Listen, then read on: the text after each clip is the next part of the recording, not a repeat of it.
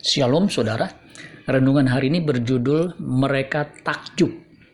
Matius 15 ayat 31. Maka takjublah orang banyak itu melihat orang bisu berkata-kata, orang timpang sembuh, orang lumpuh berjalan, orang buta melihat, dan mereka memuliakan Allah Israel.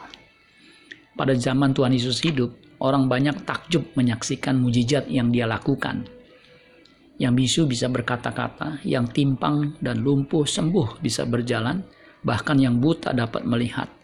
Bahkan mereka juga sempat menyaksikan orang mati bangkit dari kematian.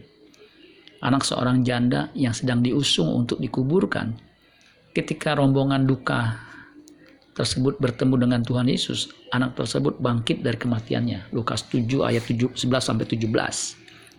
Lazarus yang sudah empat hari di dalam kubur pun bangkit ketika dia berseru, Lazarus, marilah keluar. Padahal Lazarus sudah berbau bangkai busuk. Yohanes 11 ayat 29 sampai 44. Peristiwa dahsyat itu menunjukkan bahwa dia, Yesus, benar-benar Mesias, anak Allah yang hidup. Ia utusan Allah Bapa yang datang untuk menyelamatkan manusia dari dosa.